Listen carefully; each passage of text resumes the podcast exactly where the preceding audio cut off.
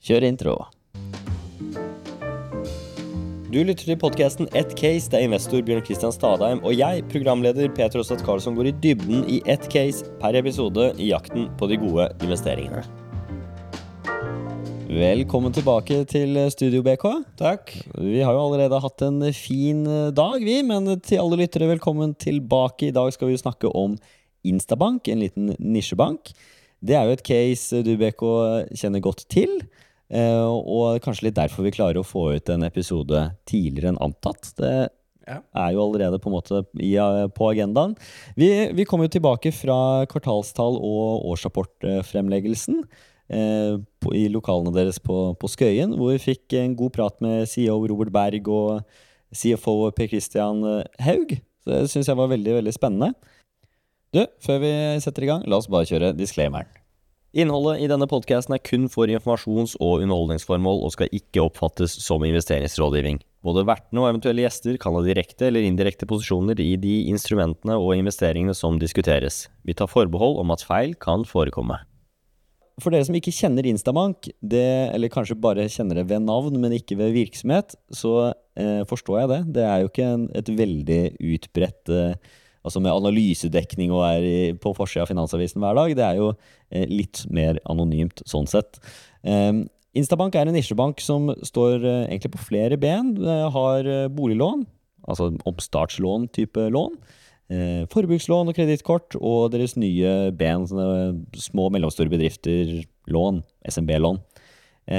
Og banken har jo faktisk virksomhet i både Norge, Sverige og Finland. Selskapet har vi jo lært er ganske gode på guiding, eller har jeg lært i dag er ganske gode på guiding og tapsavsetninger. Og faktisk aldri måttet sende ut en negativ korrigering, eh, eh, sa, sa si for seg. Ja, men i hvert fall ikke en stor, da. Altså, de, har ikke, de har på en måte vært en, en story hvor de har levert 27 kvartaler, mer enn dagens, med, med profits. Jeg syns sånt er imponerende. Altså. altså Ja, det viser jo en viser Treffer at på en- tapavskrivninger, og det jeg blir imponert av sånt.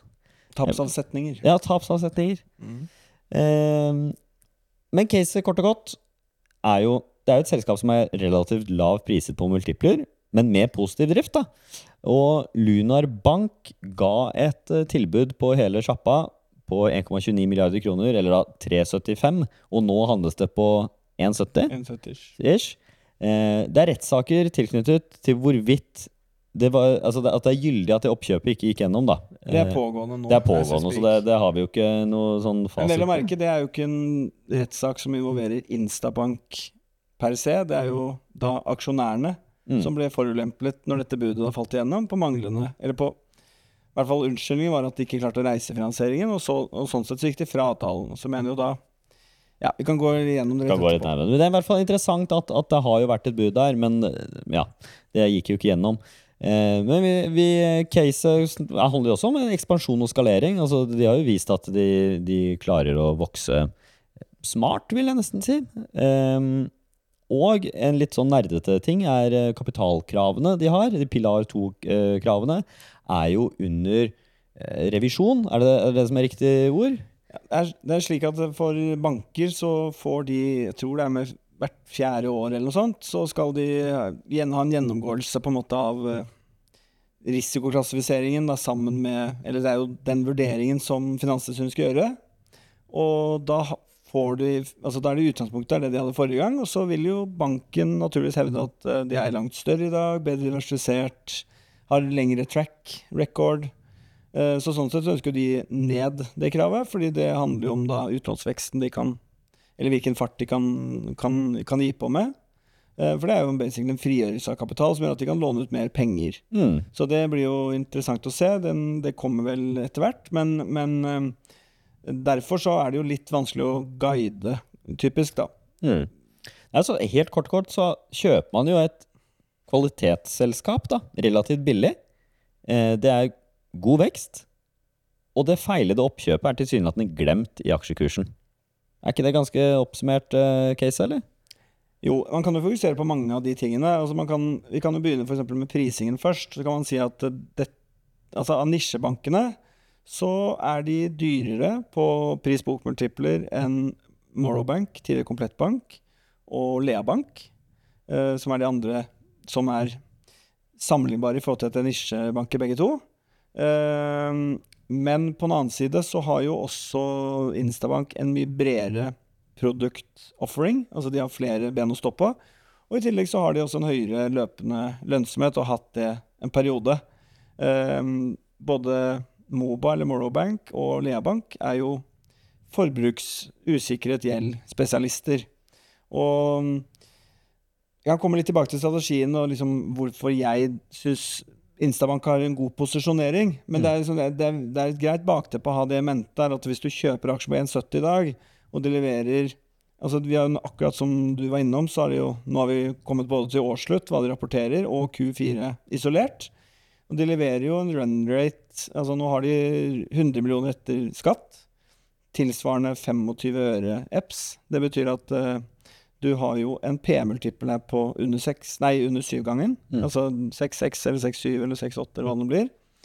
Det er jo billig på relativen sammenlignet med sparebanker og, og, og, og naturlig sammenligningsgrunnlag. Og så er det interessant med nisjebanker, for tidligere så har de blitt priset til en definitiv premium til de tradisjonelle storbankene. Og så har det skjedd ting i rentemarkedet veldig fort, som alle har fått med seg. Kraftig renteprisopp, uh, altså renteoppgang, uh, inflasjon og disse tingene her da, igjen, da, som har ført til at den posisjoneringen som du har som nisjebank, uh, blir litt mer utfordret. Og det kan vi komme tilbake til. Men det er klart at i grove trekk så er det sånn at de store bankene de lever veldig godt på at de har store innskudd med veldig lav rente. Mm. Typisk lønnskontoer, andre sparekontoer.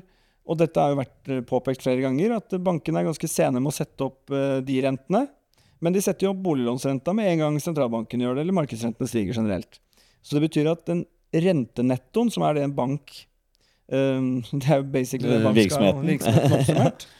den utvikler seg da positivt for de store bankene som har billig innskudd. Men hvis du konkurrerer med innskudd, mm. sånn, som, um, sånn som Instabank gjør, så får du jo den direkte på pukkelen. Og så kan du si at hvilken grad klarer de å dytte dette over på kundene? Hvis man sammenligner årets Q4, altså siste kvartal i år, mm. med kvartalet for tolv måneder siden, så har de en margin som er 55 punkter svakere. Alt annet like. Oi. Og når du da tar utlånsvolumet deres, som er i overkant av 6 milliarder kroner, så er det den 33-34 millioner kroner som på en måte er mistet da, i mm. marginen. Mm. Um, altså i dette marginspillet, eller netto rentemargin. Så det er 55 punkter mindre driftsmargin, kan vi kalle det? Ja, altså, basically. Altså, det, det, er, dette er jo alt annet like rett på bunnlinja. Ja, jo, ja. så, så, kommer jo tapsavsetninger. For at dis, altså, nisjebankene opererer jo med høyere utlånstap, men de opererer jo med mye høyere rentemargin også. Utlånsmargin Jeg er sikker på margin, men på rente Utlånsrenten deres, da. Mm. Ikke sant? Så de er jo fundet Altså fundingstrukturen, sånn som de henter penger i dag, så har de røftlig i overkant av 3 milliarder blant norske pri, ja, private og eventuelt selskaper. Da konkurrerer de jo på finansportalene. Og må det, det, er at de har bra innskuddsrente. Innskuddsrente, ja. ja. En høy innskuddsrentebank. Det er får, eh, fundingen deres der. Ja, Og 3 milliarder kroner inn der. Ja. Og uh, likeledes så har de også en fundingkilde i Tyskland. Der er det jo per nå. Det er veldig veldig spennende ting på gang der. At de skal inn og gjøre satsing i Tyskland på, på kredittkort og forbrukersatsing der. Men PT så bruker de som en funding source via Racing.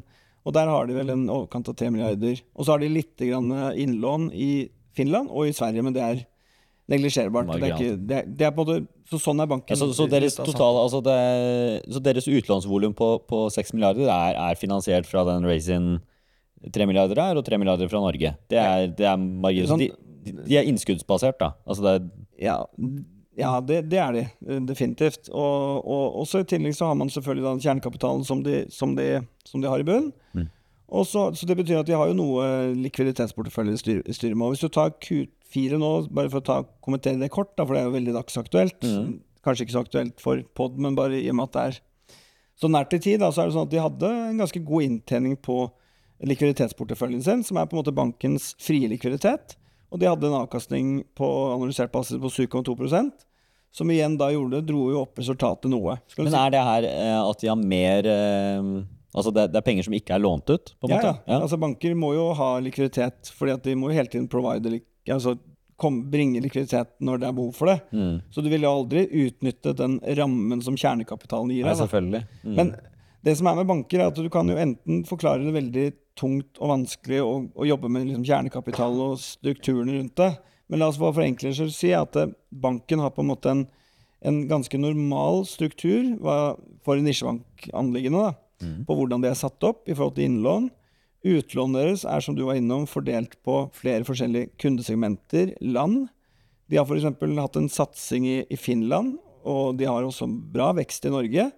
Men i Norge, hvor de tidligere da har fokusert veldig på usikret gjeld og kredittkort, så har de nå hatt en klar tilt i retning av sikret gjeld. Først da protestbank på bolig, Mm. så og refinansiering knytta til det. Så det er jo noe av styrken mener jeg, i forretningsmodellen deres. Og hvis du kommer inn på dette siste sporet, som ble annonsert i, som de introduserte til markedet på sensommeren i år, og det var B2B-produktet deres. Per nå så er det ett produkt, og det er en rammekreditt. Ramme altså kassekreditt. Mm. Eh, det produktet, det har de nå eh, Altså det har jo doblet i size da, på utlånsvolum fra et kvartal til neste. Mm. Det er kanskje ganske lang Altså, det er jo helt nytt, da. Så det er små, på veldig små på lave, lave nivåer. Men det interessante er at dette er et produkt som når du investerer i den type produkter, da må du ha kapasiteter inn som kan drive med det. Så er jo det en loss-making operations i forhold til å drive forbruksfinansiering, f.eks., for eksempel, som de Mm. allerede har på plass, men de ser det litt lengre bildet. Og det interessante er at fra de introduserte det, så gikk de break-even i desember, og fra januar nå så tjener de penger i den businessen. Og dette vil jo suksessivt bli bedre og bedre og bedre, ettersom de får mer scale på businessen. Mm. Og dette gjelder også uh, Instabank på aggregert nivå. Det er jo at de har en kostnadsprosent som ligger i størrelsesorden sånn 6-23% De har guidet på at den skal under 40, det, vil de klare, det klarer de med fin margin. Ettersom volym, altså utlånsvolumet øker, uten at de ansetter nye eller øker kostnader til marketing, eller hva det nå skal være, så vil de jo klare å fortsette å presse den ned. Og alt annet like da, så har de jo bedre operativ eh, margin, da. Og, men igjen, det som slår aller mest, som har slått på deltaen negativt ut for nisjebankene, men, og da også for Instabank, Mm. det er at du har hatt en fallende rentenettomargin. Mm. Og det var det som, var, som vi illustrerte i stad. at det- Hvis du reverserer noe av det, altså gitt at du får en konkurransesituasjon som er litt annerledes på innskuddsmarkedet, og du får generelt litt dropp i markedsrentene, men de klarer å opprettholde omtrent samme ut, utlånsrente til kunder, så vil jo den bli tatt igjen. Ja, for, for, for tanken her er vel Eller er det egentlig riktig å tenke at de, um, de høye utlånsrentene, altså kredittkortrenter og sånn, det, det klarer ikke å øke like mye, og samme med de, bo, de re, um, gjenstarts... uh, omstartslånene da, med boliglånet som de har, de klarer ikke å øke renta like mye som innskuddsrentene uh, de har, øker. Ja, men De klarer ikke å vippe over til en kostnadene. bank. Da, altså, en tradisjonell bank, da samler du opp alle bekker små, da, eksempel på, på, på, på lønnskontoer. Når, hvis du driver med den, den tradisjonelle bankvirksomhet, så har du lønnskonto. Akkumulert så blir dette store summer som så å si ikke forrentes, som ikke koster banken noen ting. Da kan du enten, Hvis de har fri likviditet til det, så kan du jo helt risikofritt gi tilbake penger og få Nibor-rente på pengene. Så de har eh, arbitrasjemulighet, basically. Mm. Eh, og dette er jo mulig så lenge norske forbrukere ikke nø- nødvendigvis er påpasselige nok til å ha lite penger på en konto, f.eks., Mm. som ikke gir noe særlig rente. Hvis du driver som nisjebank som ikke har de type kundene, så nyter du jo ikke fordel. Da, så da er det jo en veldig fordel når rentene er veldig lave. Mm. For da betyr det at når rentene er så å si null, da, så kan du gi 100 punkter oppå det, og si at renta i markedet er null, så kan du gi 1% på sparerente, eller halvannen prosent. Mm. Så er det fundingkostnaden din. Mm. Eh, og da, altså renta kan du, du får ikke negative renter i banken, på en måte, så da er den jo fortsatt null på lønnskontoen, men utslagene er større, så betyr at Jeg vet ikke om det var litt komplisert det var Ja, kanskje... det gir veldig mening, da. Altså at, at, at, For meg det, gir det, det smeller mer da, når, når, når, når renta er litt høyere da, på, Ja, på dem. Det for er meg er det, for, om. det er helt forventet og helt naturlig at, um, at uh, i den situasjonen hvor du har hatt kraftige renteoppganger, Mm. så vil det slå utover lønnsomheten da, på, på RO-nivå eller EPS-nivå til de banken. Mm. Men hvis du da henspiller det på prisingen, hvis du tar som forutsetning at vi er nærmere oss en eller annen syklikalitetsbunn, både at renten har toppet ut, det tror jeg vi kanskje er enige om, så spørsmålet hvor mye den, og hvor raskt den vil falle, Mm. så er, det, så er det definitivt delta positivt for Instabank, og delta negativt for DNB. Mm. Nettopp av de årsakene vi har vært innom. Ja. Uh, ja. Hvis vi tar på, på For det er på innskuddssida, som vi egentlig har snakket om nå, da. Men på, på de, de ulike bena som, eh, som har, hva, hva er det som gjør at du syns det er et godt case, da? Jeg må si at det er, det er det at de har demonstrert en evne til å finne forretningsleggs, eller finne områder, sånn som f.eks. de skal inn i Tyskland. Et ekstremt spennende marked i forhold til kredittkort. Lav penetrasjon, stor populasjon, det er et svært land. Mm. Det er jo også på en måte et så stort land at der er det store regionale forskjeller. Øst-vest, um, immigranter eller tidligere immigranter. Altså, du, du, du har på en måte mange submarkeder i hovedmarkedet. Så de kan, med god, klar strategi der, så har de jo i hvert fall voldsomt vekstmulighet. Og så skal selvfølgelig dette være kjappest mulig opp i lønnsomhet. Eh, og, og man må tenke strategisk hvordan man gjør inngangen, men de har i hvert fall en, en veldig god track record med de tingene de har gjort uh, så langt. Med å F.eks. den overgangen fra å se at kredittkort er litt vanskelig. Men Kredittkort er et eget, eget ting som jeg vil påpeke. Ta Norge i dag i forhold til kredittkort. Så er jo den typiske modellen det er at du ikke har noe årsgebyr. Så du har ikke noe gebyrinntekter ved å akvirere kunder. Eh, Du har potensielt en negativ fundingkostnad med negativ margin på kunden. For hvis du bruker kredittkortet ditt og betaler innenfor den rentefrie perioden, for typisk maksimalt 45 dager, så betyr det at banken har en fundingkost på de pengene jeg har lånt deg, men du betaler ingen rente for det. Så I tillegg til det så har du disse her um, Sånn type fordeler man har fått. da annen, Om det er noe poeng, eller om det er noe sånn. Ja, Og det er, og, og det er en sånn Det er jo forskjellige partneravtaler. Og det, det kan jeg forstått ikke nok om, men la oss si at det er en sånn kostnad, da. Ja, men det, har- det er faktisk I mange tilfeller så er det jo det, da. At Ja, er det vil jeg anta. Det, det er det. Ja. Så kan du si, hva, hvordan har eh, Instabank løst det? Jo, de har Norges billigste kredittkort for de som ikke betaler hele regningen i tide. Mm. Fordi de har en modell som basically er at du betaler noe for, du får, for å få den kreditten du har. Og når du da drar kortet, så betaler du og blir belasta fra Altså som om du hadde trukket det fra en vanlig konto. mhm. Så de har jo snudd opp ned på den modellen. Poenget er at jeg tror ikke da at de tenker at dette er sånn kjempeinteressant vekstcase, nødvendigvis. Men det betyr også at de mitigerer den iboende risikoen, da, som er i at alle betaler eh, punktvis og tidvis. Ja. Og utfordringen, det er tilbake til funnykostnaden. For funnykostnaden din er veldig liten, så betyr, det jo, betyr jo de 45 dagene relativt sett lite. Når fønikostnaden stiger, ja, så blir jo det potensielt på aggregert nivå en ganske høy kostnad. Mm. Mm. Og den kostnaden, den har ikke de lyst til å ta en risiko på. Da har de laget den type produkt. Så det betyr at ja, da har du en overskuddslikviditet. Du har på en måte noe du kan trekke på hvis du må. Og så vet du at du må betale renter fra, rente fra første krone. Mm. Hvis du syns det er helt ok at du må bestille ferie, legge ferieplaner i mars-april, og så får du ikke feriepenger, så kan du jo si at jeg betaler nå. Eller jeg, jeg trekker kortet nå, så vet jeg at det koster meg litt, men kanskje du i sum potensielt faktisk kommer billigere ut av det med at du slipper da å bestille noe alle hvis det regner ned på Østlandet f.eks. Mm. Så det men det var bare ett eksempel. Og så har du den der overgangen fra usikkerhetslån. Det er jo typisk at ok, du har kredittkort, kan du samle opp, og så få ett et større lån isteden, med en be klar betalingsprofil. Um, det er jo den typiske usikrede modellen. Um, den har du jo også Den tilbyr de også. Men der satsingen har vært på i forhold til det norske markedet spesielt, det er jo mot omstartslån, da, eller definert mm. Mm. boliglån, som man kaller det. Og det er jo både førstepripant, annenpripant. Så er fordelingen rundt 50-50. Ser du på LTV-nivåer, altså loan to value-nivåene på utlånene de har til boliger, så har de ikke noe større risiko enn en tradisjonell norsk sparebank, i sum og, og i, i snitt. Så LTV-ene ligger under, 0, altså under 70 Mm. LTV. Mm. Men, eh, men er det riktig å, å bruke det som risikoparameter? Altså sånn eh, Nei, men ult- Defaulten er vel uh, høyere? Ultimately så, så er det jo sånn du har tapsavsetninger, men altså Mm. det du ultimately, da, altså litt lenger frem i tid, så er det jo å, å få tilbake de pengene du har lånt ut. Ja. Spesielt på I worst pan case, ja. Det er jo grunnen til at de er priset litt lavere også. Ja. Um, så, så det er på en måte modellen. Men der er jo har man jo kommet gjennom en ganske røff periode i Norge med veldig stigende renter, og, og vi, har ikke, vi har jo ikke hatt noe særlig økt arbeidsledighet, det skal jo sies, da. Mm.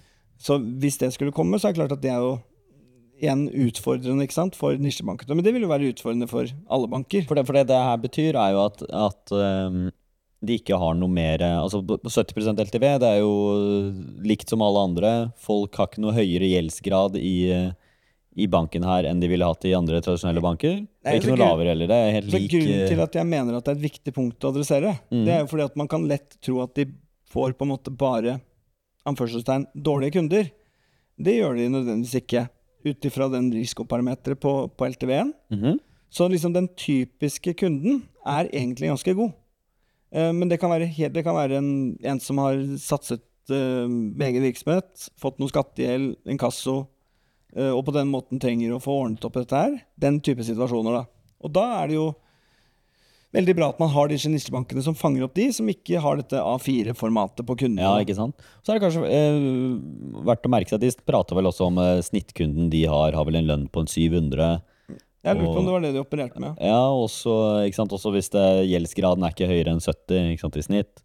Her eh, så, så er vi jo på at selv om det kanskje er mange som er i veldig dårlig situasjon som søker, så er jo kanskje Instabank også i en posisjon til å kunne velge litt kundene sine. Ja, og det der du sier der er også veldig viktig. ikke sant? Fordi at hvis du har flere produktspektre, og du vet at du har liksom flere legger hvor du, eller flere forretningsområder, da, om du vil det, eller Mm. produktområder, som du kan vokse fra, så kan du jo selvfølgelig allokere kapital og ressurser på en sånn måte at du ikke chaser den siste kunden. Mm. Så du kan jo på en måte bedre snitt kredittkvaliteten du tar inn, Mm.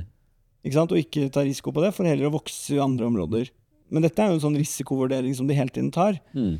Men det med at jeg klarer med, Vi var innom det med B2B, og den satsingen der som jeg personlig har kjempestor tro på. Fordi jeg vet av erfaringsmessig at selv om du har god og alt er på stell på selskapet, du, så er ikke det noe sånn det, det er ingen som jubler når du kommer inn i banklokalet og sier at jeg vil gjerne ha kassakreditt på noen hundre tusen. Mm.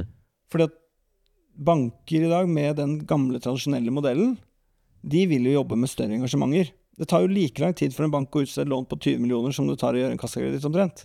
Så det Ja, gir, gir jo på en måte ikke mening. Så kan du justere litt på renta og ta litt gebyr og sånn, men det er, ikke, det er ikke core business, da. Mm. Nå sier de de tar dette her, ok, vi gjør det til core business på det legget. Mm. Og så kommer det jo flere produkter, og det kan være factoring, altså type med, med mer sikrede og større snitt-tickets osv. Mm.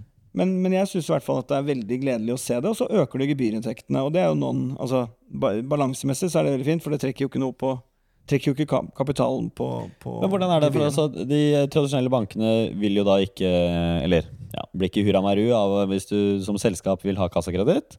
Eh, og argumentasjonen er jo at det tar like lang tid som å skrive ut et stort lån. Da driver man heller med store lån.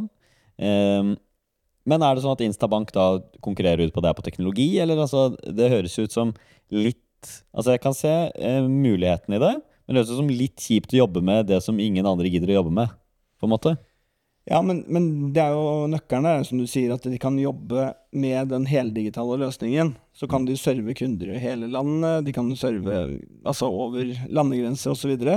Med da på en måte å ha investert i teknologien og på en måte griden og setupet, sånn at uh, de kan håndtere dette her på en veldig tidseffektiv måte. Innhente informasjon osv. osv. Men i utgangspunktet så gjør de jo kreditthåndverk, eh, de også vurderer. Og, og ja. Ja. Så når det gjelder prising, da, så er det jo slik at det er jo flere måter å måtte gjøre verdivurderinger på. Du kan sammenligne på relativ basis. Det kan jo være litt skummelt. fordi det kan jo være ting som gjør at hele sektoren er overvurdert, eller, ja. Mm. eller vice versa, da, for så vidt. Men jeg tenker, at, øhm, jeg tenker at det er et greit utgangspunkt å se hva du som investor på en måte Hva, hva er det du får, da? Eller hva er, hva er status i dag? Og det er klart at når banken er priset en rabatt på bokførte verdier, så er det en, ofte et utgangspunkt på flere ting. Punkt én er at du kanskje markedet priser inn litt eh, dårligere makro og litt skumle tider. Mm. Eh, Tap, rett og slett? Ja, tap, rett og slett. Eh, press på lønnsomhet.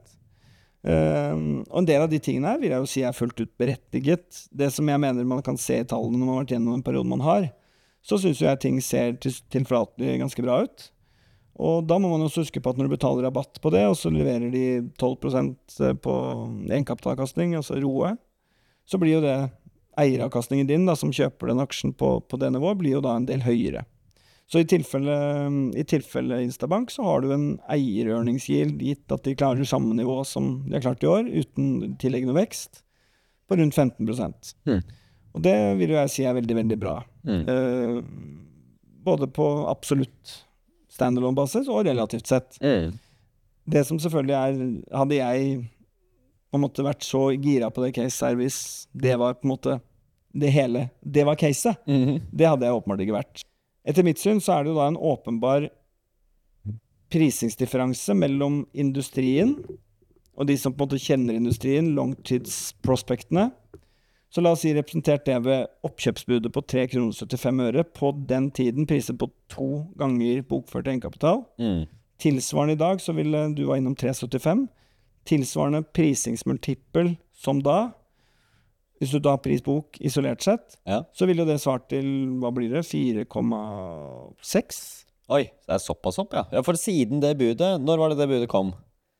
Det er vel et par år siden. Ja, og i hvert fall siden da så har jo selskapet tjent penger og bygget virksomhet, og det, jo, det har jo skjedd ting. Ja, absolutt. Og, Men, eh, og rammebetingelsene i form, i for, Altså, tilbake til det med, med netto rentemarginen. Det er jo viktig å påpeke. Det er jo et Altså, banker vil jo tjene så mye penger som mulig. Så er det jo konkurransen som skal på en måte forhindre en superprofitt. Mm. Ikke sant? Og så er det jo da at noen er flinkere til å drive business enn andre. Det er jo sånn man finner Altså, et selskap A driver med én ting, et selskap B gjør det samme, så er det et selskap A som gjør det bra. Og, så, og da må man jo prøve å finne hva er det som ligger i det. Og jeg tror Mitt inntrykk da, etter å ha møtt liksom, man, toppmanagement i dag, da, og for så vidt det jeg har hørt rundt òg, er at de får jo veldig høye credentials. Altså sånn, de får de har liksom god, riktig erfaring.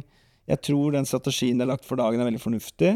De har jo solid altså, Det er solid um, eierstruktur. Så det er liksom veldig mange ting å omrisse av caset som er liksom veldig bra. Mm. Kistefoss eier vel rundt 25 Ja. og de har jo vært med lenge nå. Er det andre sånne store eiere? Sånne store blokker? Eh, ingen som er så store, men du har jo mye kvalitetsvester. Christian Falnes, Arne Fredelig. Mm. Eh, kommer vel ikke på Ja. Så du, du har jo Det er jo et solid eh, case på, på den måten også. Det har Ja, ja. attrahert på en måte solide investorer, og de har vært tålmodige. Og så har det vært en veldig rar prosess med Lunar, selvfølgelig. Mm. Fordi det var jo sånn at jeg hadde ikke noe eksponering i det caset her når dette fløy av gårde. Jeg ble pitchet det fra ABG, som hadde en storyline på det, at det så riktig så bra ut. Så tror jeg det ble caught by surprise at de kom ganske kjapt etter de begynte å få litt eh, fart i vingene kursmessig. Mm. Ehm, altså Kursen nå er vel om marginalt høyere enn når den gikk på børs.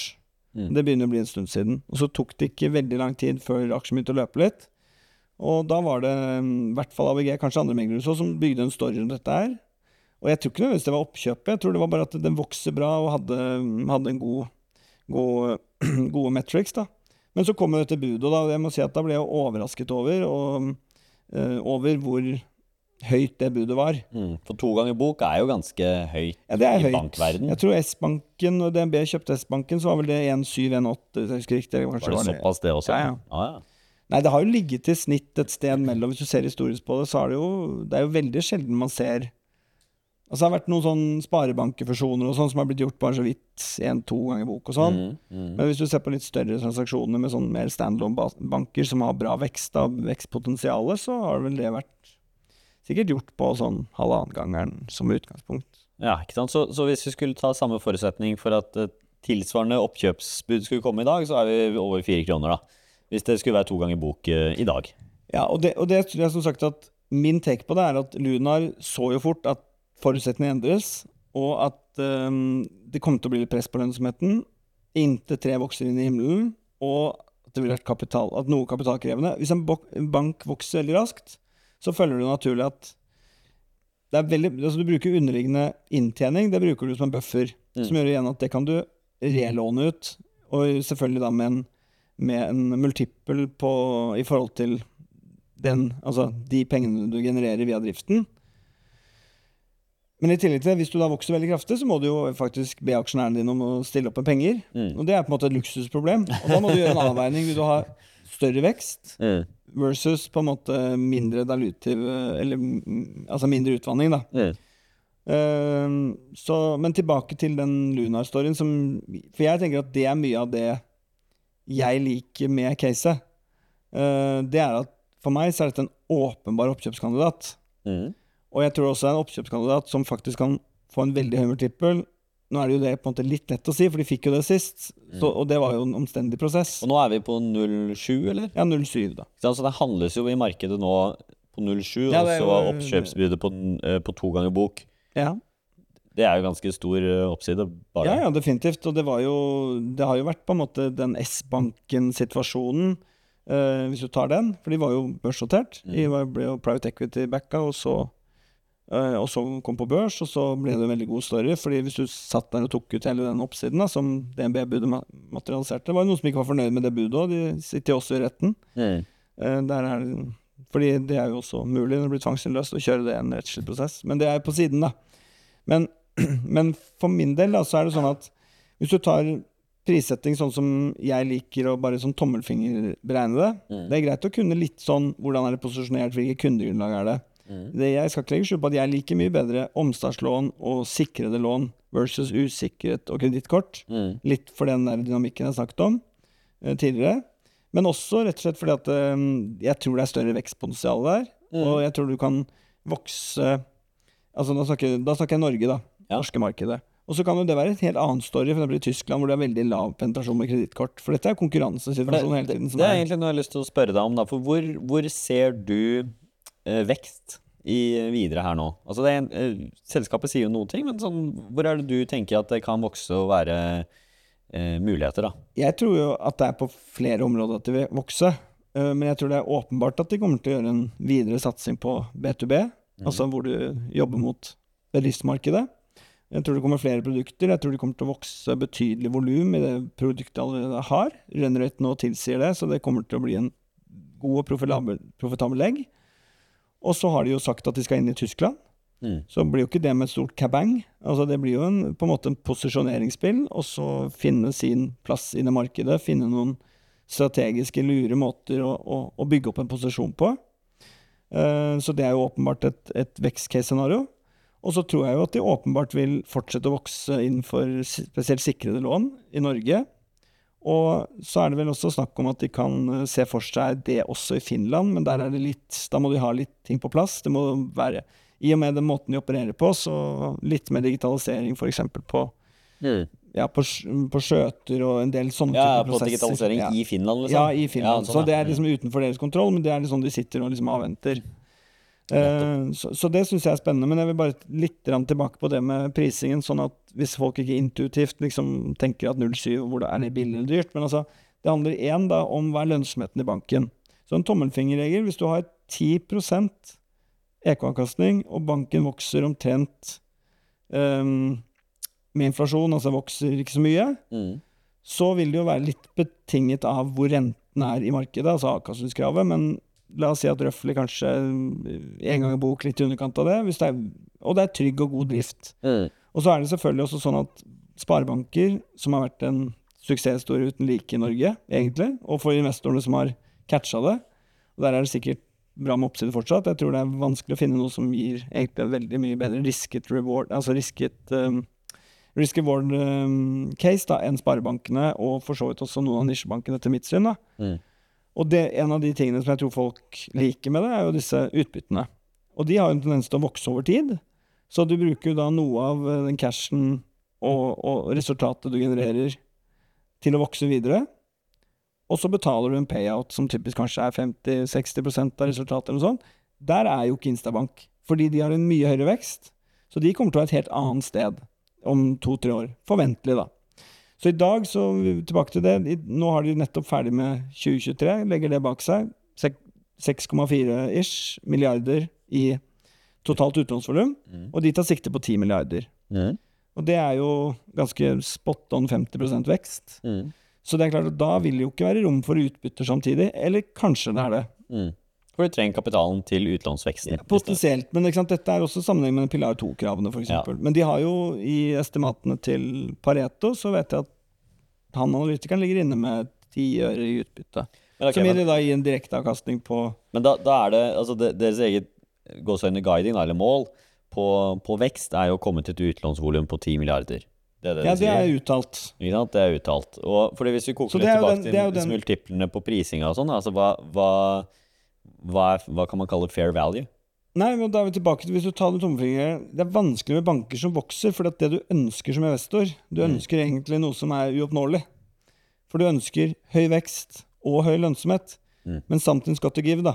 Det du, Ja. Så det du må se litt bak Instabank, er at de bygger jo en del eh, produkter, og de gjør en del entries i nye områder som koster eh, i form av kapital og kapitalressurser og endringer. Altså, de er jo blitt flere ansatte, og de vokser på den måten. Mm. Så de er jo ikke på en måte satt helt enda, ikke sant? Men de er veldig tydelige på at det ikke kommer til å være en sånn voldsom altså Her skal vi være mange flere ansatte. fordi hele målsetningen er jo å ha denne eh, Dra opp eh, hva skal jeg si, stordriftsfordeler og ha en større utlånsportefølje med likt alle ansatte. Mm. Så har du jo utgangspunktet en bedre driftsmargin. Ja. Og så kommer rentenettoen, litt betinget av konkurransesituasjonen, og fundingkostnaden.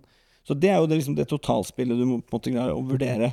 Men jeg tror det som er nøkkelen i Instabank, det er at jeg er ganske sikker på at det er en bank som er veldig attraktiv for oppkjøp, nettopp fordi at de har demonstrert evnen til å gjøre, altså endre litt på butikken, skue det litt. Mm. Så de er ikke en ren consumerbank. De kaller seg selv på en måte en, en, en, en eh, forretningsbank. Og de bruker det uttrykket, og så kan man si hva legger man i det? Så det høres litt rart ut. Men det de legger i det, er at vi har forskjellige forretningsområder. Mm.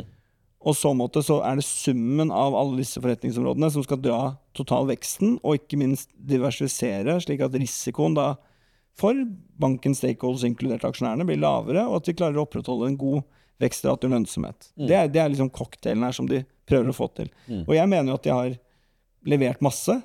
Det var jo selvfølgelig Tenk deg selv, altså de, de må jo ha spredt i ganske mange champagne, champagner når du får et bud på 3,75. ja, to ganger bok hadde altså vært Ja, og ikke bare det, men altså, det, det er jo 5,5 av selskapet er jo eid av ansatte. Ja, det er jo en ganske høy andel. Det er jo Ja. ikke sånn at ansatte eier 5,5 i DNB, for å si det sånn. Nei, nei, nei. Så det, det, på relativ basis så har jo de mer skin in the game. Mm. Robert, vel, Robert Berg er vel alene sånn drøyt halvannen prosent av banken, Mm, har vært mm. med hele veien. Og det er jo klart, da blir Jeg vil jo anta, uten at jeg kjenner dette i detalj, at det, har litt, det slår litt på privatøkonomien, da. Mm. Eh, for det er jo snakk om en del penger. Så, så ingen, ingen som helst tvil om at jeg syns at det der, det der utøvende gründerskapet, den gründermentaliteten, det med liksom skin in the game, det må være liksom veldig dedikert. Eh, I dag fikk vi gleden av å møte de, se oss litt rundt. Kom jo ikke akkurat til de flotteste kontorene i Oslo. Ikke at de var nedslitte på noen måte, Nei. men eh, liksom Du ser at her vil de ikke sløses heller. Nei, nei. Fordi de har den, den skin in the gamen, og de Mm. tenker som en, på en måte en utfordrerbank, da. Mm.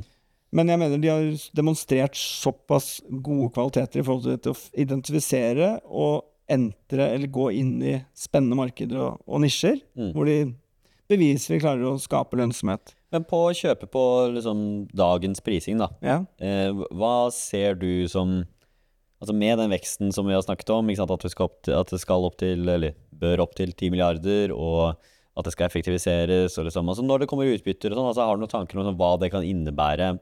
Ja, Ved har- kjøp i dag, da? Det har jeg definitivt.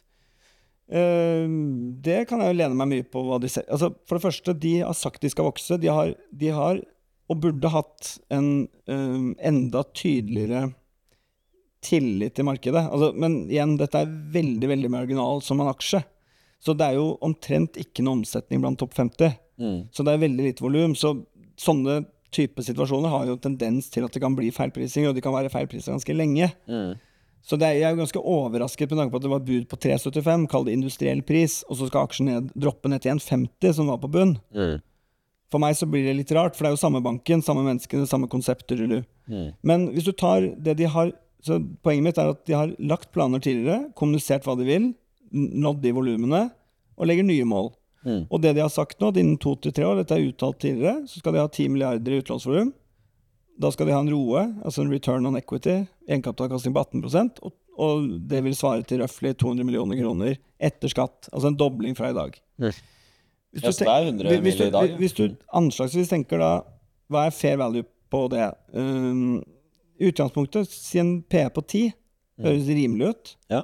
Um, altså rimelig forstand at det høres fair ut. Ikke nødvendigvis at det er løp og kjøp, men altså det kan fint inntreffe. Ja. Hvis du ser historisk sett på multiple osv., så, videre, så virker det greit. Da er du to, to milliarder kroner i market cap.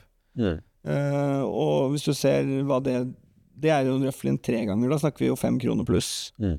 i et to-treårsperspektiv. Da har du jo en fantastisk RR. Mm. Det som kan gjøre at det kommer raskere enn tre år, eller at uh, du får det oppkjøpstilbudet, så kan du jo overshoote på det. Ja. Det kan noen som betaler for den veksten og synergien og posisjonen de har opparbeida seg. La oss si det lykkes for dem akkurat i Tyskland, da. Så vil det være en ekstremt attraktiv posisjon å være i. Eller Ja. eventuelt at de ser det B2B-markedet, at det ser veldig attraktivt ut. Mm. Så, så det er på en måte Da er vi på at liksom kjøp på eh, 1,70, og hvis alt går bra, med repressing, altså multiple eh, ekspansjon fra dagens nivåer, da. Ja. Du kommer opp på PE10, så innen to-tre år, da, så er vi på fem kroner. Med mindre vi overshooter på en av greiene, eller uh, Ja, altså, og så er det, Vi skal jo snakke litt om risikofaktorer òg. Ja, det var jo mange hvis om og men i denne den antakelsen. Ja, altså still, det-. Det er jo det er en ganske saftig oppside, da. Det, er, det, var, det var dit jeg ville hen. Ja, for, akkurat det. Fordi at liksom min Min tilnærming til investeringer er jo på en måte ikke å finne ting som gir 10-15 pro anno-avkastning på et normalisert nivå, og så Mm. leve det ut i evigheten. Mm. Kan være sikkert fornuftig på mange måter, det. Altså, det, er jo, det er jo, hvis man klarer å identifisere sånne, så går det jo veldig bra. Mm. Um, børsen har vel gitt sånn rundt 10% eller noe sånt i snitt, så hvis du klarer å ligge over det, skal du egentlig være fornøyd. Mm. Men som sagt, det jeg mener, er at jeg tror at dette er en, kons altså en konstant oppkjøpstarget. Mm. Og så tror jeg det vil svinge med hvordan du gjør Altså hvem er eventuelt interessert. Nå kommer Lunar litt out of the blue. Det var jo ingen som så komme når det kom. Mm. Uh, den type aktør. Er Lunar ute? En ting som jeg vil bemerke, da, som er en veldig artig greie nå, Mm. når vi snakker om det her, er jo at hvis vi forutsetter, da Nå er jo disse i retten, og nå krangler de jo som busta fiker. ja. Fordi Lunars aksjonærer, enten om de eh, har solgt aksjene, men de i hvert fall satt som aksjonærer før budet kom. De fikk et oppkjøpstilbud i henda. 375. Altså, da var det, ja, ja, altså, da mener du Instabanks eh, aksjonærer? Uh, Instabanks Instabanks fikk, en, Ja. fikk et tilbud i hånda. Ja. Det som de skal avgjøre nå, det er hvorvidt de kan kreve en kompensasjon for det tapet. Det Mm. spesielle med det her, og det tror jeg alle skjønner hvis man har Eller vi har hørt om det, var, det kom bud og aksept. Ja, ja. ja, ja. Bud og aksept, og så eh, dealen da man bare venter på at det skal gå gjennom, og så gikk det ikke gjennom. Og så gikk det ikke gjennom. Så det er, det er jo egentlig hakket mer enn bare et bud, og så ble det nei, eller Og, ja. ja, og det, det som er åpenbart spesielt, er at dette er jo når, når du begynner å snakke om eh, en, en deal på en måte i den sizen her, og den impacten det potensielt hadde for Lunar, og ikke minst for Instabanks aksjonærer, så er det jo klart at det er jo en veldig stor grad av seriøsitet. Det er liksom advokater på begge sider, det er lange prosesser. De har sikkert samtalt i mange måneder, for ikke snakke om halvår, eh, tidligere, forut for bud og budaksepten. Mm. Så det er klart at da kommer det som en veldig overraskende at nei, vi fikk ikke reist kapitalen. Mm. All den tid det selskapet her har jo hentet fryktelig mye mer penger enn dette her. ja, det var, det var Alle luktet jo det som å ja, de fikk kalde føtter. Ja. De så verden litt annerledes og så at de kanskje overbetalte. Mm. Men det var liksom ikke en god grunn nok for å de dekke For å trekke for å seg trekke fra seg. ja. Men nå får du testet om den grunnen som de opp oppgav, da, om det faktisk er godt nok. Det er jo på en måte en judisiell men kan det prosess. bety noe for eh, kursen i dag? Eller Jo, for, og det eh, er litt det som er poenget mitt. Er at det, dette, er jo en, dette er jo ikke en straffesak, dette er jo en, på en måte arbitration case. på en måte. Det gjøres i Altså, Mitt poeng er at partene kan jo snakke sammen her. Hvis Lunar plutselig hadde tenkt sånn Nei, fuck it. Dette går så det griner. Mm. Vi trenger jo fortsatt dere. Vi, har ikke, vi, vi, vi skal jo den veien, vi òg. Mm. Ok, la oss snakke på bakrommet og se hva vi kan få til. Hva kunne det innbefattet? Kunne det betydd at Kistefoss kunne sagt ok, vi sier 350, og så har vi en deal, så slipper vi rettsprosessen og alt mulig? Så en settlement med å faktisk Ja, kjøpe hele ja. sjappa, da. Men det aller mest sånn besnærende tanken er jo at gitt at det blir dømt til å betale en erstatning på en såkalt Det blir jo en fiktiv pris. Mm. Fordi poenget er at du som aksjonær, du kan jo realisere tapet. Du kan ha kjøpt på to kroner, akseptert budet på 375, Mm. så solgt den på to kroner, og så kan du se, liksom, si 100% klart Se her, dere ba 375, jeg fikk bare to kroner på aksjene mine. Mm. Men Kistefoss har jo ikke solgt en aksje, Mm. så de har jo ikke et demonstrert tap. Nei. Men kursen er jo veldig mye lavere enn det det budet. falt da det, Ja, og det Kursen falt jo. falt jo Ja. brått da det falt igjennom. Så hvordan de skal på en måte Og det som hadde vært den typiske prosessen i det, er jo da ehm, Hvis du tenker Tenk et eiendomstransaksjon, da. Ja. hvor du kjøper en bolig av meg. Og da vet vi at den er bindende. Dette, det står jo på ethvert budskjema. Dette er bindende. Mm. Og du har ikke noe forbehold eller noen ting, men du bare Og så kommer du til meg litt seinere Sorry, jeg klarer ikke å gjøre opp. Banken, at du kjenner de, ass. At det ble, dette ble vanskelig. ja, ikke sant? Ja. Ja. Hva er prosessen da? Jo, nei, men da er du fortsatt bundet av det. Og det er jo det som er Instabanks aksjonærers take. Mm. Men så er jo forskjellen det er jo at et hus kan jeg omsette igjen. Mm. Så det jeg gjør da, det er at da legger jeg det ut, og så gjør jeg et såkalt dekningssalg. Så da må du dekke differansen. Mm.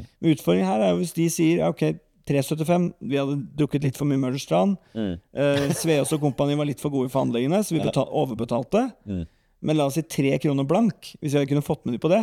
Eller enda verre, hvis de da taper den saken og må betale la oss si 1,50 per aksje, sånn 500 millioner i erstatning. Altså i kompensasjon. i kompensasjon, Ja. Mm. så betaler du for luft. Mm. Så kunne du heller sagt ok, men hvis vi uansett skal betale de Hvis vi uansett blir dømt til å betale, ja, men da kan vi liksom få noe for det også, i form av aksjer. Mm.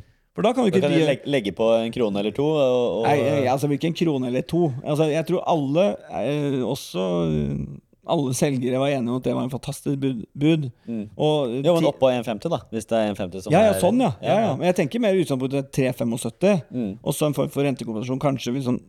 Men der er det jo en ekstremt spennende mulighet, faktisk. Mm. Potensielt. Og så kan det være at dette er helt fastlåst. At det, er, det er klart at eh, Jeg husker jo noen avisartikler med Robert Berg var jo ikke særlig fornøyd med disse danskene. Nei. Og danskene de var jo på sin side veldig beklagelige for hvorfor de ikke klarte å reise de pengene. Mm. Og mm, så, så jeg bare sier Det er i hvert fall noen ting som er i spill der som er litt potensielt interessante. Men Mm. poenget er uansett det at i et transaksjonssetup, og bare hvis du Hvis du da, som industriell kjøper, sier at jeg har gått gjennom og gjort en DD og sett på de planene de har i datarommene, whatever, i en prosess, så ville det ikke vært veldig krevende å prise den banken er vesentlig høyere. Og du må også huske på en annen ting også. Dette er jo en bank som er Altså, du kan også gjøre dette med, med kjernekapitalarbitrasjen.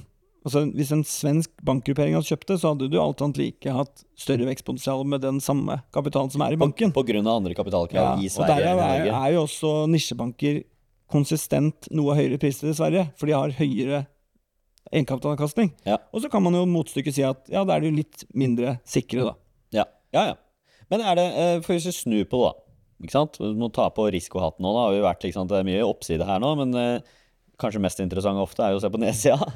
Og er det, er det noen nedside med det her eh, rettsgreiene? Kan det smelle på dagens aksjonærer på noe vis? Nei, nei det, det er ikke noe risiko. Altså, som sagt, det har ikke noe med selskapet å gjøre. Nei. Så, det er, så, det er de gamle aksjonærene og, og, og de som Ja. og Lunar. Så det er de som eide aksjen og på en måte har gått i et grupp, gruppesøksmål. Og, og så vet jeg ikke hvordan det egentlig påvirker de som eventuelt ikke er med, men, men la oss det bare det, de kjører sin egen gang. Men det er ikke noe risiko sånn sett. De, det er risikoen kanskje på oppsiden, Mm. som jeg nevnte. Men det er også litt Ja, sånn ja. far-fetched, altså. Bare, sånn, bare så det er sagt. Ja. Det som er derimot med, med banker på generell, generell basis, men kanskje særskilt banker med en relativt sett liten balanse, som tilfellet er i Instabank, så er de selvfølgelig følsomme for makroøkonomiske sjokk. Mm. Um, nå har de så langt i sin levetid klart seg unna de største sånne bombene, Mm. men det er jo andre som har sett at oi, nå har vi, nå har vi trådt over for mye, vi har vært for løs på kreditten, Mm. så kommer det en omveltning, og så kommer disse, og så flyttes flere ting opp i stage 2 og 3. Ja. Ikke sant? Og plutselig så sitter du her, og så, og så må banken basically egentlig kanskje rekapital, rekapitaliseres. Mm. Ikke pga. vekst, men rett og slett for at tapene blir så store. Ja. Og dette har skjedd med, med, med banker jeg kommer på, i hvert fall i farten, som Moba var jo en Altså Morrow Bank, tidligere Komplettbank, var jo der. Eh, komplett refinansiering og en, Ja. kutte kostnader og mye av den Så det er, det er egentlig å følge, følge veldig nøye med på tapene. Ja, det er den store risikoen. også dagens kvartalsrapport, så ser man jo at det er utfordrende klima i Europa og for så vidt i Norge på makrosiden. For du ser jo at utenlandstapene tikker opp. Mm. Men så er det jo det at de har jo hele tiden mulighet til å mitigere risikoen, både ved å holde igjen, stramme til kredittpraksisen sin. Eh, så er det Kanskje være flinkere på å velge kunder. ja, det er jo det det går på. Mm. Altså, Dette er jo et håndverk, så du må jo velge de som er flinke på det. Og de har jo demonstrert god evne på det, men det er definitivt en risiko. Det ene er jo at, eh, som vi snakket om, rentenettoen. Hvis renten ja, fortsetter å stige, så vil jo det bli proporsjonalt sett mer og mer negativt, Ja. som vi snakket om i sted. Ja. Det, det vil jo bare fortsette hvis, hvis det, er en, det er en risikofaktor. Mm. Også risikofaktor altså på oppsiden da, i forhold til hvis det motsatte skjer. Mm. Eh, og så er det jo klart at når du f.eks. gjør en entry i et stort marked som Tyskland, Mm. eller du skal gjøre en B2B-satsing, så er det jo i prinsippet stor risiko da også. Ved, De gjør nye ting. de gjør nye ting, ja. Det er alltid større Det er risiko per definisjon. Ja, ja, ja. Så, så, så veid opp så har du på en måte de, kall det, de operasjonelle as is-risikoene. Altså det med eh, de allerede eksisterende lånene de har, Mm. og hvordan de på en måte performer da, i, i forhold til defaults og, og den type ting. Så har du den added, eller denne nye business-risikoen, Mm. som er jo en separat greie. Da tar du på en måte en er kalkulert risiko på beslutningen. Det er egentlig noe de har vært gode på før, da, som, som, som man kan kalle det en oppside, men, men det er, let's be fair, Det- jo, en risk. Jeg tenker det, men jeg tenker også at det er en stor forskjell på risikoen ved å tre inn i omstartslånkategorien Mm. versus å gå inn i et nytt land. Ja. Og så vil jeg jo bare tenke meg til at det er litt mer Da må du ta litt større kostnader up front. Altså du må ha noen lokalt ansatte, du må ha noe tysk. Altså Mm. nettsider, whatever, hva det nå koster. det er en Advokater, regulatorisk advokat det kommer til å ryke på, selvfølgelig. Mm. Sedvanlig. De er jo alltid der og tar sin del av kaka. Så det er jo liksom Dette er jo de, de tingene de må veie opp mot hverandre. Vekstmuligheten og lønnsomheten potensielt litt lenger fremme mot den beslutningen de gjør nå i øyeblikket, da, som er det gjøre eller ikke gjøre, og når, og når gjøre det, da. Timingen på det. Så jeg tror det liksom oppsummerer godt. Og det, dette er jo en del av disse karakteristikkene. Uh, er jo også de samme som DNB står overfor. Mm. Så hvis vi får et kraftig makroøkonomisk skift, og det er nå det begynner å liksom Badevannet har rent ned, og nå får vi se hvem som står der nakne, Mm. eller Ikke sant? Det er jo litt den testen. Til nå så har i hvert fall norske markedet og deler av Europa vært mye mer resistente på en måte enn det man kanskje hadde frykta. Mm. Jeg mener jo det ut ifra hvordan jeg leser litt kurs og kursinteresse på, på aksjen, selv om jeg er veldig forsiktig med det når det er så lav omsetning. Vi skal komme inn på det senere, hvordan spille det, men altså det er jo Mm. interessant øvelse i seg selv. Mm. Gitt at du har en aksje hvor du kan ha en dagsomsetning på noen dager på 10 000 kroner, 20 000. Andre dager er det en million og en halv million og sånne ting. Mm. Men du opplever at Ja. Men eh, ja. Det er, ja, men la oss, la oss egentlig bare ta den. Hvordan ta den? For det er lav likviditet. Eh, eh, og vi, vi har jo snakka egentlig om en god drift, og så er det noen sånne Det er oppkjøpsmulighet, men det er litt sånn fugl på taket. Det er ikke noe, det er ikke noe håndfast i, i dag. Nei, nei det, det er bare en, det, er bare en mulighet, liksom. Eh, men, men god drift og god vekst og eh, bra sjappe, da, sånn bedriften, er vel egentlig det vi har snakka om. Jeg kan si det at det, veldig ofte når det gjelder Det var et lite bakteppe med nisjebanker som er litt interessant. Altså, det er vel en av de virkelig, virkelig sånn gode um, investor... Altså kall det casene, da. Mm. Som vel ganske mange Ganske få, men noen heldige få har fått lov til vært med på. Det var jo Bank Norwegian. Mm. En helt eventyrlig historie. Og det er jo på en måte nisjebanker in a nutshell, på en måte. Og så hvis du treffer, så har du jo på en måte ikke de 5-10% Vi vokser med økonomien, eller vi vokser med BNP, liksom. Du har jo den kjempekraftige veksten. Og så var jo det en helt eksplosjonell greie. Det var jo omtrent de som virkelig introduserte kredittkort al masse da, Ja. til markedene. Så, de, Ja. det, det er ikke at jeg sier at dette er det nye Bank Norwegian på noen måte. Men det er jo det som de iboende egenskapene til en del nisjebanker som gjør det litt interessant. At du, og for min del altså, er det sånn at det er en del nisjebanker jeg har eid opp igjennom. Mm. Og mm, delvis med ganske god suksess også. Og da er det sånn at det som ofte er et problem med å handle det, eller hvorfor jeg har avstått å handle det, er jo ofte for at prisingen er for høy. Ja, ikke sant? Men nå så er det den neutrale situasjonen. Om da du velger Og nå skal ikke dette her handle om Morrow Bank eller Lea Bank, Mm. men eh, vi var jo innom det at de også er jo veldig billig, billige på multipler, og da pris-bok-multiplen. Ja.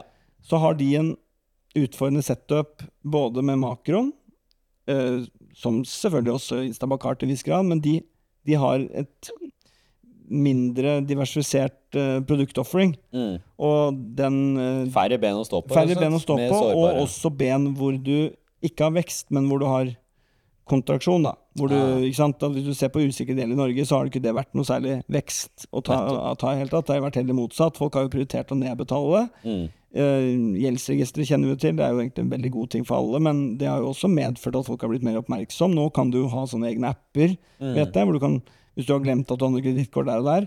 Mm. Ikke sant? Problem, men Vi skal ikke bruke masse tid på det, men bare sånn for å illustrere poenget mitt. da, at uh, Hvis nisjebanker som du liker veldig godt, og som du tror For hvorfor har de vært pri- priset til en premium? Jo, det er jo fordi at de ofte har høyere vekst, og fordi at eh, hvis du kjøper en nisjebank som la oss si, og har en utlånsbalanse på en milliard, Mm. så er det bare storetallslov gjør at de kan vokse til 10 milliarder. Mm. DNB de kommer også til å vokse med 10 milliarder, men det er jo kanskje etter vi ligger i grava. Altså, eller ti- tigangeren, da. Tigangerne. Ja, ja. Men, men det er jo ikke sant?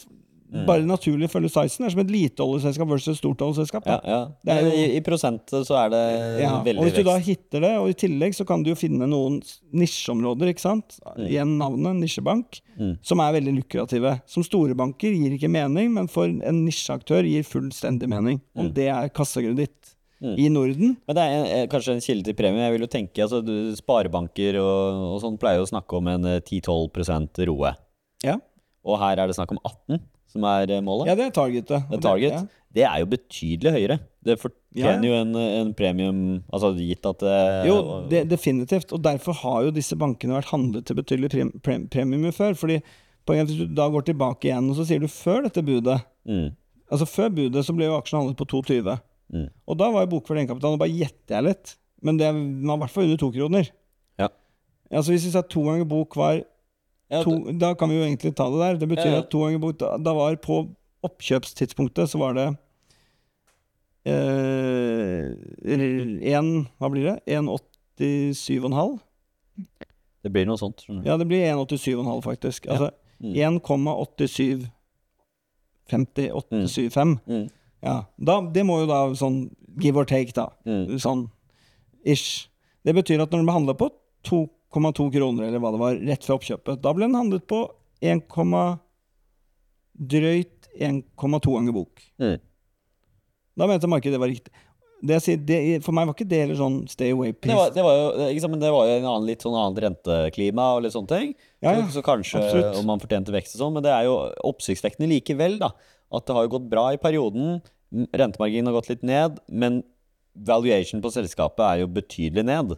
Ja, og du må også huske på at eh, det er jo hva du på en måte fokuserer på, fordi ROA er jo én ting, men når prisingen av egenkapitalen blir stadig lavere, Mm. så kan du jo få en bedre eierroe på ett kjøpstidspunkt enn et annet, selv om den rapporterte roen er høyere, hvis det ga mening. Mm. Altså det jeg prøver å si, at hvis du kjøper et selskap som har 10% roe, men du kjøper det på en halv gang bok, så har Ja. du 20% roe. Ja, ikke sant?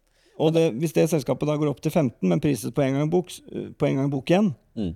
så har- for det har du da dobla penga dine, fordi du kjøpte på en halv. På kursen. Ja. På kursen, ja. Så det er kursen som regulerer hva Roen, du Ja. Men det, det er eh, Den implisitte roen. For hvis vi, hvis vi liksom på, Vi er jo egentlig på, på stadiet hvordan ta case her, da. Og, og hvis vi er i en situasjon nå, da ikke sant? Altså, det er eh, Man kan stille spørsmålstegn med prisinga. Hvorfor er den ikke høyere? Men ok, det er hva den er. eh, og, og da kan man jo også si ja, men det kan jo også være lavere om eh, seks måneder. Sånn Ja, ja. basert på logikken. Når det er lite likviditet, så, så da kan jo på en måte hva som helst skje. Alle veier. Ja, altså La oss bare først og fremst bare forutsette at i aksjemarkedet så kan allting skje. Så det, det, det verste Det verste du på en måte kan være, er jo altfor trygg på noe. Men jeg må jo si at når det er sagt, så er det jo Og du var jo innom det også tidligere med at nå kjører vi på en måte litt sånn kjapp episode. Men dette er fordi at jeg, fordi jeg kjenner caset såpass godt at jeg tenkte ikke så mye forberedelsestid på det. Og jeg tenker jo at det er jo noen punkter jeg har lyst til å trekke fram som jeg tror er forklaringen på hvorfor den er priset lavt. da. Nå Ja. har vi snakket om masse Det er interessant. Altså, det, er veldig, Ja. det er veldig interessant. Hva, hva, hvorfor er Ja, men den jeg, jeg tror det er flere grunner. Jeg tror Helt åpenbart så tror jeg at det handler om uh, noe så enkelt som at det er lav eller ingen analysedekning. Mm. Dette er på en måte en sånn Ja, Pare. Pareto har analysedekning på det, men da er det sånn du får en felles uh, analyse. Da er det Lea, Moba Mm. og Insta. Altså nisjebankene samla. Mm. Eh, ikke noe tett oppfølging der. Så ligger det jo i sakens natur at selskapet i utgangspunktet ikke har noe kapitalbehov. løpende. Mm. Altså, de har jo god drift. Um, Det blir ikke noe corporate oppdrag? det blir ikke noe corporate oppdrag. så da er det jo heller ikke sånn at uh, mange andre sitter og har lyst til Jeg, jeg tror kanskje det kom, kommer en eller to meglerhus som har lyst til å ta det opp, nettopp fordi at de kanskje ser det samme, at det her kan jo være spill, og da kan det være penger å tjene på corporate Mm. er det noe vi vet, da, som fra meglerbransjen begge to, at fokuset er der hvor penga er. Ja, definitivt. Men la oss bare stadfeste det, at det sier at lav analysedekning Mm. Det igjen betyr at det er jo få som markedsfører caset i tredjepart, da. Mm. Ikke sant? Eh, Mm. Som sitter og snakker om det, tar det opp i målrapporter og diskuterer det, ikke sant. Mm. Så da har du én ting. Det andre er jo eh, Euronext, Euronext Growth-notering. Mhm. Altså, det er i prinsippet børsnotert, men la oss huske at Euronext Growth er en bilateral handelsplass. Mm. Eh, det betyr eh, du Jeg kan ikke det med ASK-kontoer, Ja, du, får ikke, du får ikke handla det på aksjesparekonto. Nei, det gjør det ikke. Jeg kan ikke noe om det, men det har jeg hørt. Mm. Det er jo per definisjon negativt, Mm. eh, vil jeg tippe, for mange er jo opptatt av Fra et likviditetsperspektiv, Ja, ja. For, for den private investor som ikke kjører gjennom selskap, så er jo det Da havner de på no brain Altså i uaktuell Ja, lista. Og så følger du videre av det at du har jo veldig lite ingeniell interesse. Så er jo lav market cap. Og selv om selskapet har vært priset høyt, og selv hvis du tar på en måte transaksjonen på en drøyt milliard, eh, 1,2-1,3 milliarder, Mm. det er jo ikke i den store sammenheng veldig store. Det er fortsatt microcap, da. Ja, på alle ja. mulige måter. ja, ja, ja. Så det betyr også at du har kan du si, mindre institusjonell interesse på, på lang, langsiden i aksjen. Mm. Uh, Så der har du, det kan du stadfeste der. Uh, Så, og det går også litt på likviditet. Så Mm. det skal handles med en likviditetsrabatt løpende. ja, for den er jo tynn, ikke sant? Ja, for det er veldig tynn. og det henger jo sammen med at nesten ingen selger aksjer. mm. Så det har vært noen selgere. Mm. Eh, og da kommer vi jo fint over til hvordan ta aksjen. Altså hvis du da bestemmer deg for at dette er noe du har lyst til å Det er litt avhengig av antall hvor mye aksjer du er ute etter, da. Mm. Men, eh, men jeg vil jo i hvert fall av de som eventuelt jeg snakker med rundt dette caset her, som da er i kontakt med megler osv., så, videre, Mm. så ville jeg jo ringt eh, kontaktpersoner på Pareto, Arctic, kanskje DNB, hørt litt rundt. Har de noen blokker? Mm. Eh, eventuelt om eh, hvis du skal ha et solid antall aksjer, så er det jo bare å by, da. Mm. Og at det kan kanskje være en smartere tilnærming enn å kjøpe opp markedet. Mm. Og så er jo dette helt betinget av hvor mange aksjer du skal ha. Skal, du skal du ha 10 000-20 000 aksjer, så kan du selvfølgelig bare kjøpe flat alt i markedet. Men man har kanskje luksusen her med at hvis, hvis man tenker og har konkludert med at dette er kvalitet som man vil eie, og, og potensielt være med på en fin vekstreise, da, da har man det på oppsida. Og oppå der, i et superduper scenario, er jo et oppkjøp. Ikke sant? Et Ja. tresteg. Men da har man kanskje ikke så dårlig tid. Så med, man, man kan bygge posisjon, og man kan eh, vente Altså, på akkurat det med eller- timing syns jeg er veldig vanskelig, men jeg, men jeg vil si at liksom, folk liker forskjellige typer risiko, eller aksepterer, da. Ja. La oss ta som utgangspunkt at man har lyst til å minimere så mye risiko som man kan. Mm. Og en av de måtene er f.eks. å kjøpe inn posisjoner over lengre tid, versus å kjøpe alt i ett Mm. i en omgang. Rett og slett fordi det skje, kan skje ting, sånn at ved å dele ut på flere dager Det er litt det samme som eh, sånn fondssparing hvor du kjøper fast beløp en gang i måneden. Da får du med deg når markedet er dyrt og billig. Det er liksom Mm. tankegangen. Mm. Og det er jo en enkel Altså, og det er faktisk risikomitigerende, da, Mm. i, på måte på, på totalen. Mm. Og det kan du argumentere for her òg. At man kan bygge posisjon sakte. Man har egentlig all tid i verden. Utfordringen er at det er jo ingen garantier for at ikke det skjer et Amrunar, eller at det blir Dette, dette er jo en oppkjøpskandidat, definitivt. Ja. Dette er et selskap som er i spill. Ja. Dette ble tatt på børs, og det har blitt vært demonstrert industriell interesse, som ble først konkludert med et bud. Så kjenner vi jo, som vært innom mange ganger nå, at det ikke ble noe av. Jeg, min take er at det åpenbart vil være folk som er interessert i det setupet her. Og jeg vil tippe at eh, folk igjen kommer til å bli overrasket over hvor bra multiplen de greier å få solgt dette på, gitt at dette er solide eiere som vet, og som jeg tror vet, har en sterk følelse av at det er verdt, og kan bli verdt. Og kanskje også få litt sånn Og muligheten som ligger der. Altså, bli, bli litt gir, altså Hvis du først har fått planta ideen om at eh, ah, her kunne vi få 375 eh, Ja, så er det jo vanskelig å slippe det på 2,5. Eh, eh, Ja, det er en ting, men det er også eh, slippe ideen om å selge. Det er kanskje tanken på at Ja, men da går vi tilbake og tanken om å eie dette neste 20 åra. Nei, det, det, tror jeg, det tror jeg ingen har, eh, rett og slett. Og det er jo 100% definert som en finansiell investering for Kistefoss. Mm. De har jo sin Advansia-bank, som er deres strategiske hold. Ja, nettopp. Så bank, deres de exit jo- blir jo Så i prinsippet så er jeg ganske sikker på at de er finansielle i tilnærmingen sin. Ja. Så det er jo, de er opportunistiske. Mm. Um, men, ehm, men hva var det vi snakket om? Altså det med mm, hvordan ta caset. Mm. Ehm, jo, Ja, så, så, så, så åpenbart så, løper du denne risikoen for at noe skjer. Men det gjør du jo i ethvert case, Ja. altså per definisjon. Mm. Um, sånn at det kan du for så vidt um, uh, leve greit med. Men det jeg skulle til å si, det var at dette med risiko og hvordan mitigere det i i en måte å handle på, ikke sant? Snakker jo det med å ja, jevne ut handelsdagen og sånne ting. Få med litt opp og ned og liksom periodisere det på den veien. Eh, diversifisering, hvis du tenker broad, broad, broad range her, da, så er det sånn Det finnes jo noen enkle prinsipper hvor du kan minimere din risk på porteføljenivå. Mm. Men en ting som jeg syns er veldig, eh, veldig interessant med, med mm, risiko, det er at noen synes at likviditet er veldig avgjørende. Ja. For da kan du komme raskt ut og raskt inn. Ja. Men det jeg mener er Og det kan jeg selvfølgelig se fordelen av, så jeg 100 anerkjenner at det burde være en likviditetsrabatt. Mm. At det er, et, at At det er, at det er reelt, og at det er moment. Mm. Definitivt. Men jeg liker mye, mye bedre personlig at det er lav likviditet hvis jeg får godt betalt for å være tålmodig, Ja, enn å være At det er litt disiplinerende, rett og slett. ja, en, ja, disiplinerende, men også at jeg vil heller ha den type risiko. Mm. Altså kall det time value money. Altså alternativ bruk av pengene. At jeg kunne, hvis jeg hadde sittet med en annen posisjon, så kunne jeg tjent mer penger i DNO-er eller Norser eller whatever. Mm. Det aksepterer jeg hvis jeg er veldig veldig trygg på den underliggende verdien. Mm. Og da er jo det også inklusive at jeg legger ikke så mye vekt på likviditetsrabatt, men jeg anerkjenner at den skal være der. Mm. Og alt annet like skulle jeg gjerne likt å se at det var høyere omsetning i aksjen. Det tror jeg selskapet selv gjerne skulle sett òg. Ja, ja.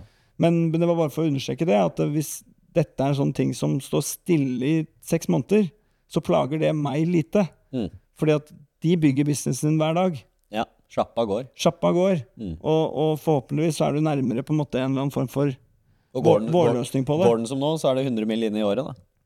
Ja, og, og disse pengene kommer ut til På et tidspunkt fram i tid så kommer det til å bli fri distribusjon. Altså Vi lekte litt med tanken. Du spurte jo her Husker ikke om det var på on record eller ikke, men det, det, noe, det var ikke noe hemmelighet der. Men du sa litt sånn hvordan Altså Lek litt med tallene. Altså På et eller annet tidspunkt frem i tid Mm. så vil jo denne kapitalen du genererer, kunne bli mer eller mindre fritt distribuert. Litt Mm. avhengig av vekstprognoser osv. Ja. Men da er det jo, det er jo free, cash free cash flow eller dividendepotensial i et sånt scenario, hvor du har en PA-ratio på 100 Mm. to-tre år frem i tid, eller hva, skal ti, hva som skal til da, for å nå dit. Ja. Da snakker vi om liksom 200 millioner i utbytte med et selskap som har market cap. Hvis den hadde stått stille da, på 600 millioner, og hadde payback-tid på tre år Ja. Det er jo Det er ganske friskt. Ja, hvis ikke den er reprisa før det, da, da tror jeg Da går jeg i hvert fall 100% all in.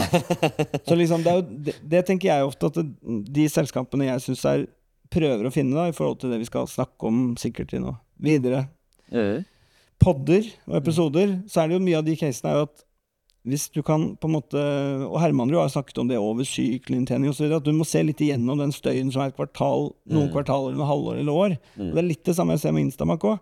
For at, du må huske på at vi, de har, som bransje og som bank så opplevde de en sjokkarta en kostnadsøkning Mm. på den viktigste um, hva skal jeg si, kostnaden deres, og det er kostnaden på kapital. Mm. Som igjen da medførte at de har ikke klart å dytte alt over på kundene. Og så har vi fortalt det i detalj hvorfor storbanker Ja, ja. er annerledes. Men det er tross alt det sjokket de opplevde, og til tross for det så har de tjent 100 millioner etter skatt. Så jeg er jo, da mener jeg at hvis dette er på en måte Jeg sier ikke at dette er en bunn i sykelen, jeg sier det er masse makroøkonomisk risiko som man inntreffer gjerde og gjerde. Mm. Men la oss si at vi er bortimot på en, en bunn, da.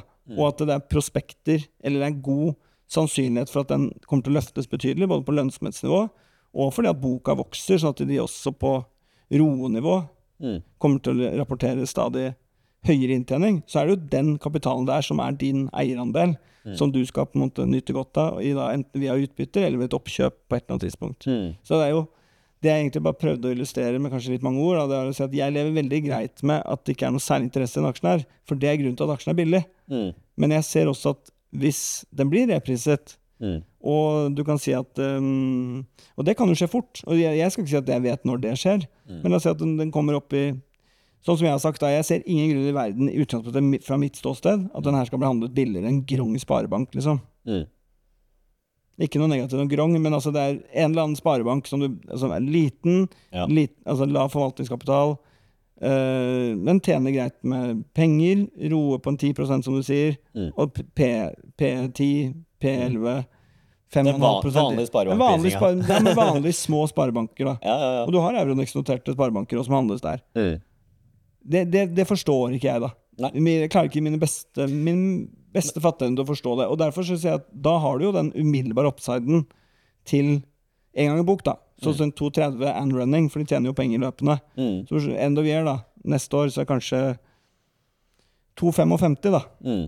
Så har du ett år, så kan du si at ett år nå med liksom litt bedre forutsetninger, litt lavere renter, kommer seg gjennom det verste makrotrykket. Når rentene kommer, så kommer det gode lønnsoppgjør i april-mai. Og du får, realøkon- altså du får hva heter det, altså du får reell kjøpekraftsøkning hos beholdningene. Ja. Så at alt er på relativt sett ser litt bedre ut igjen. Ja. Hvis dette da var buden, så tenker jeg du går jo fantastisk i møte i 2025, da du kan virkelig bare seile på. Og, og da har du jo også hatt alle disse vekstinitiativene som da du får en eh, forhåpentligvis uttelling på. da. Jeg tror det oppsummerer caset ganske bra, jeg. Ja, løp og kjøp. Nei da. Nei. da. Nei, men eh, da, hvis ikke du har noe ekstra å legge til, så tror jeg vi takker for oss eh, for Nei, det den er tom.